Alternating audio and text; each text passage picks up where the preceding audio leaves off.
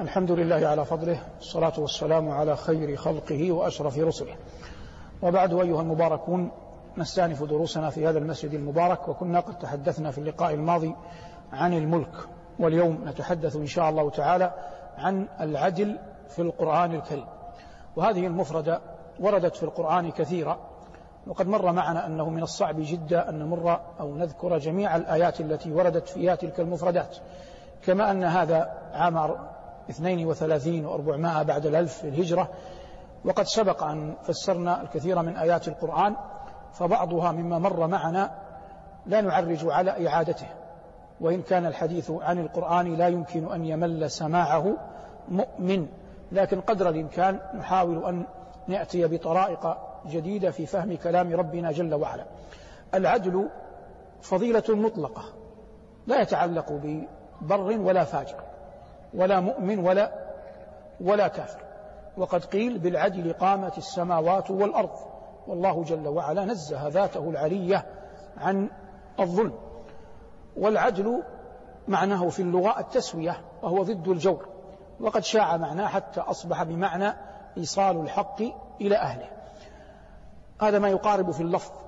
نذكر آيات ثلاث وردت فيهن مفردة العدل ثم نفسرها إن شاء الله. قال الله جل وعلا وإذا حكمتم بين الناس أن تحكموا بالعدل إن الله يأمركم أن تؤدوا الأمانات إلى أهلها. هذه يذكر فسرتها العام الماضي. وإذا حكمتم بين الناس أن تحكموا بالعدل. قلنا بالعدل قامت السماوات والأرض وقد أمر الله جل وعلا نبيه عليه السلام في المقام الأول أن يعدل وأمرت لأعدل بينكم كما في آية الشورى. هنا قال جل ذكره وإذا حكمتم بين الناس أن تحكموا بالعدل. فيعطى كل ذي حق حقه. نأتي بواقعة وقعت تبين العدل عند المسلمين في عصورهم الزاهية.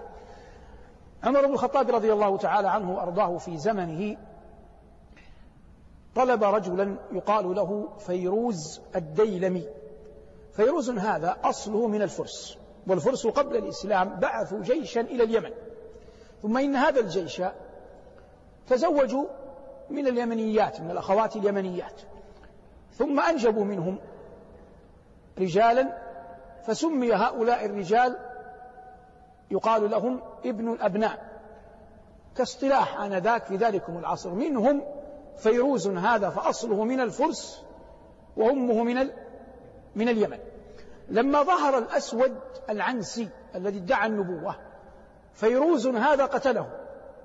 فيروز قتل قتل الأسود العنسي.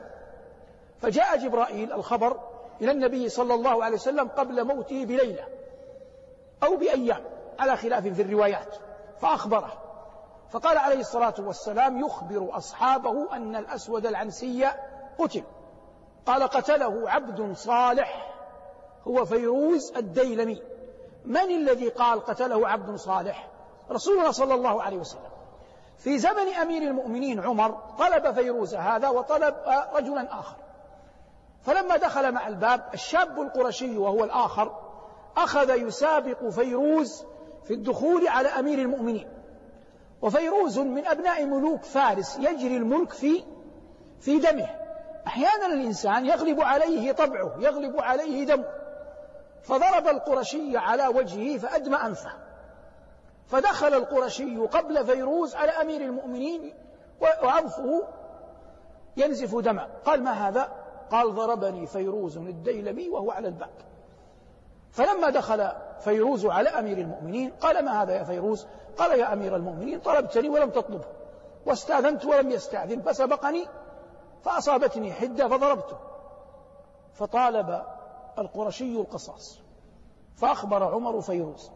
فجثى على ركبتيه. قال لا غير ذلك يا أمير المؤمنين. قال لا غير ذلك. وأمر القرشي أن يضربه على أنفه كما ضربه. لكنه قبل أن بعد أن أمره وقبل أن بعد أن أذن له وقبل أن يبدأ قال عمر للقرشي سمعت النبي صلى الله عليه وسلم يقول قتل الليلة الأسود العنسي قتله عبد صالح هو فيروز الديلمي. وسكت. فقال القرشي أما وقد قال فيه النبي صلى الله عليه وسلم هذا فإنني قد تنازلت عن حقي.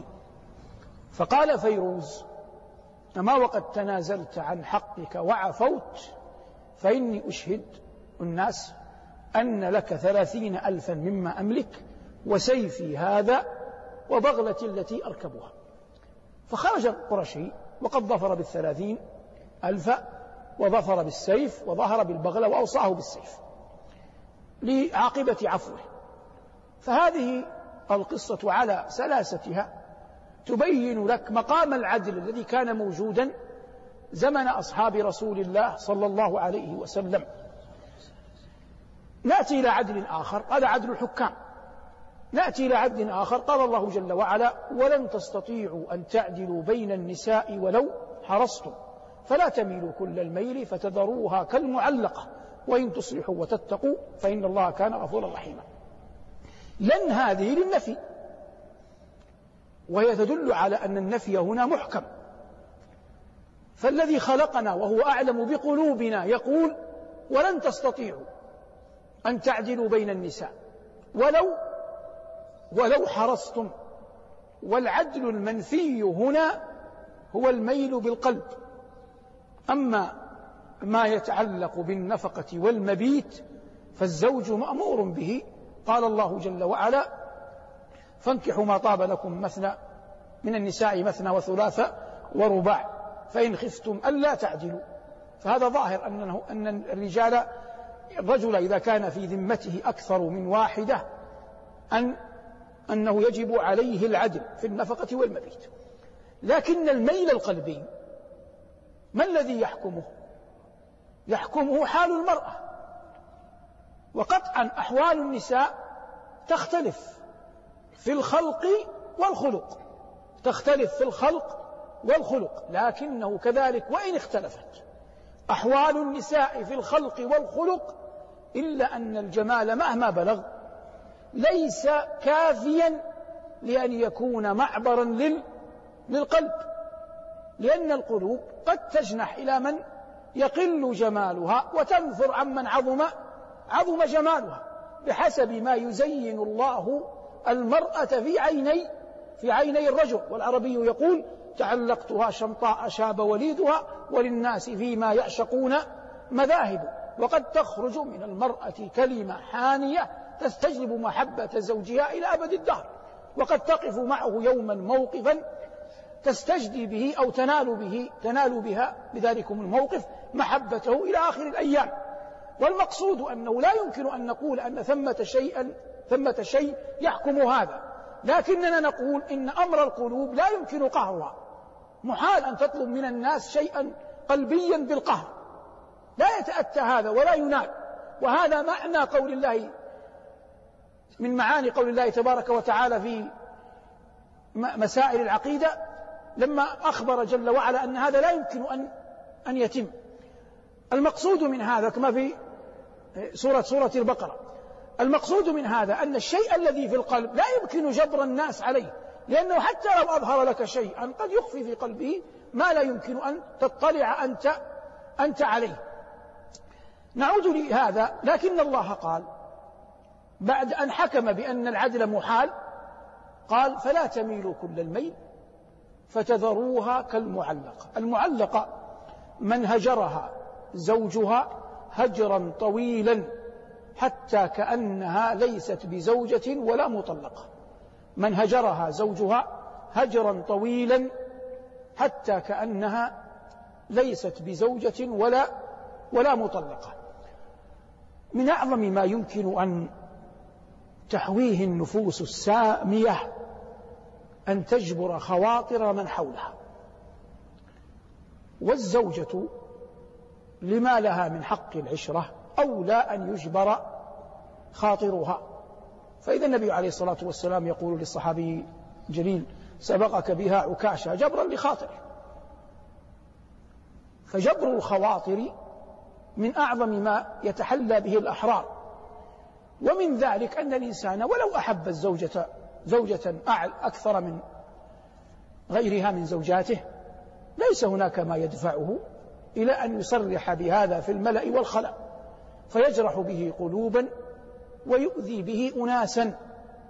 لكن يمكن وإن كان هذا ليس من الحكمة على إطلاقها أن يخبرها به في حال في حال خلوته.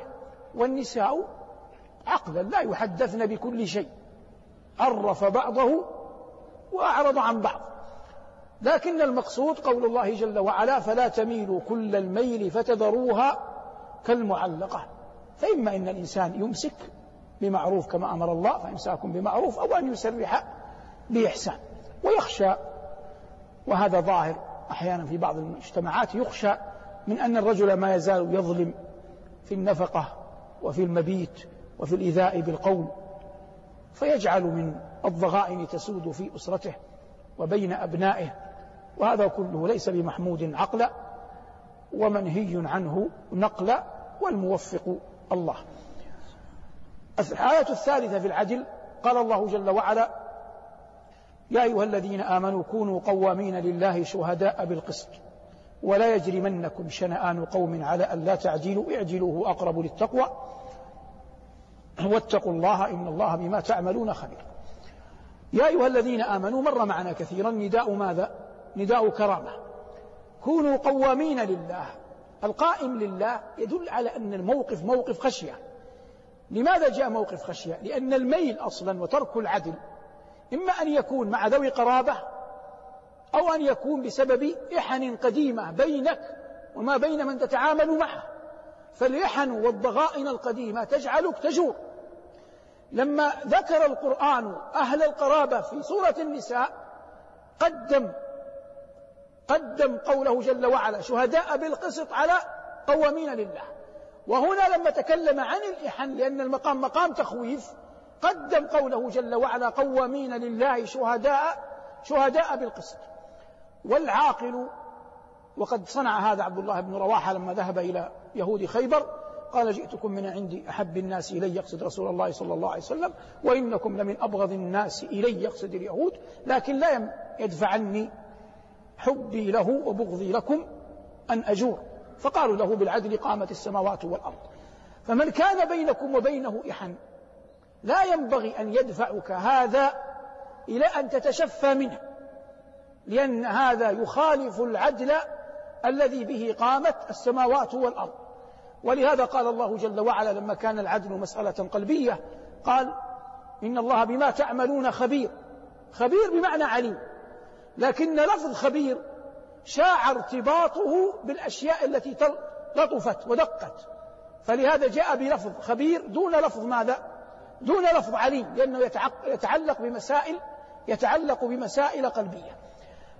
عمر رضي الله تعالى عنه وأرضاه كان له أخ يحبه كثيرا يعني عمر يحب أخاه واسم أخيه زيد زيد بن الخطاب.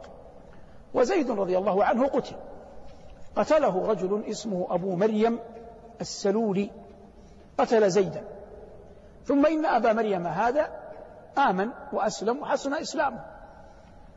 فقال عمر رضي الله عنه لأبي مريم قال والله لا أحبك حتى تحب الأرض الدم. والناس يقولون أن بين الدم والأرض عداوة. لا أحبك حتى تحب الأرض الدم. قال أبو مريم أيمنعني هذا حقا يا أمير المؤمنين؟ قال لا لأن عمر على منهج الكتاب والسنة يعدل. قال لا فقال أبو مريم لا ضير إذن إنما يأسى على الحب النساء. إنما يأسى على الحب النساء. الرجل لا يضيره أن يقول له شخص من الرجال أنا لا أحبك. ولا يضيره أن يأتيه أحد ويقول له أنا أكرهك. وهذا رجل حر. قال أيمنعني هذا حقا؟ لو قال نعم لطلبه بالحق. لكن عمر عادل قال لا. قال إنما يأسى على الحب يأسى على الحب النساء. قال ربنا يا أيها الذين آمنوا كونوا قوامين لله شهداء بالقسط ولا يجرمنكم يجرمنكم يجعلكم تكسبون إثما تكسبون جرما ولا يجرمنكم شنآن قوم شنآن قوم يعني يعني بغضهم. كنا وما زلنا نقول إن أرفع الناس حظا في العلم أعلم الناس بماذا؟ بالقرآن. ولا ينبغي أن يجادل في هذا. كان هناك عالم تونسي رحمه الله اسمه الطاهر بن عاشور.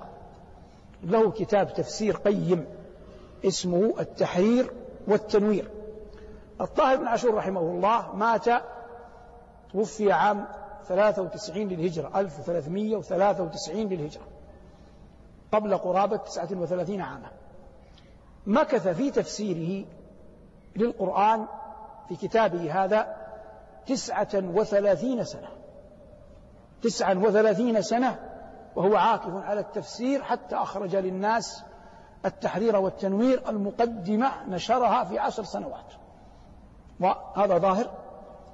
قال في كتابه كأنه يعيش الآن. قال بالنص وارجعوا للكتاب. والرجل ميت منذ تسع وثلاثين سنة. قال ومن القوانين يتكلم عن القوانين الباطلة وأسبابها. قال ومن القوانين ما يدفع إلى إقامتها ما ما يمليها الثوار فيجعلونها فيها من البغضاء والحنق على من تولى الأمر قبلهم يدفعهم عليها البغضاء والحنق على من تولى الأمر قبلهم؟ قال هكذا يكتبها الثوار على من تولى الأمر قبلهم فيجعلون فيها من العداوات والبغضاء ما لا يستقيم. أو النوع الثاني ما يكون فيه الأوهام مثل ما تمليه الجاهلية أو أعراق الوثنية. الطاهر بن عاشور رحمه الله يقينا قرأ عن الثورة الفرنسية والثورة الفرنسية والقانون الفرنسي هو أكثر القوانين شيوعا في العالم. وأصحاب التوجه العلماني يقولون إن بالنسبة لهم فرنسا هي المشكاة هي المورد هي الأصل. حتى كما قلنا مرارا تمثال الحرية الموجود في أمريكا أهدته فرنسا إلى الولايات المتحدة. ففرنسا عند أصحاب التوجه العلماني هي المنار. لما قامت الثورة الفرنسية بعد أن قامت كتبوا الدستور. كتبوه بإحن وبغضاء على من سبقهم في الملك. فجاء فيه من الجيف والحيف ما لا يمكن تعديله الآن. والمراد من هذا أن الناس لا يمكن أن يصلحهم إلا حكم الله. أفحكم الجاهلية يبغون. أي دستور يكتب يدونه البرلمان يدونه الشعب يدونه مجلس الشعب يدونه الكونجرس يدونه الكرملين يدونه أي فئة أي فئة أي ملة. فهو قانون وضعي لا يمكن أن يسلم من حيف أو إجحاف أو خطأ أو ميل محال. أن ينفع الناس محال. أن ينفع الناس في كل شيء. لا يصلح الناس إلا شريعة ربهم جل وعلا. فمن رام أن يحتكم في, فر في الناس تحتكم في ماذا؟ بثلاثة في فروج ودماء وأموال. ولا يوجد حكم قضاء في غير هذا. في فروج يعني عرض أو أموال أو دماء. فمن رام أن يحتكم في هذه الثلاث إلى غير الله فقد ضل الطريق. أيا كان حاله وأيا كان زمنه وأيا كان وقته. وأن احكم بينهم بما أراك الله. أفحكم الجاهلية يبغون ومن أحسن من الله حكما لقوم يوقنون, يوقنون. فلا وربك لا يؤمنون حتى يحكموك فيما شجر بينهم. هذا ما تيسر إرادة وتهيأ إعداده وعان الله على قوله حول مفردة العدل في كلام رب العالمين صلى الله على محمد وآله والحمد لله رب العالمين.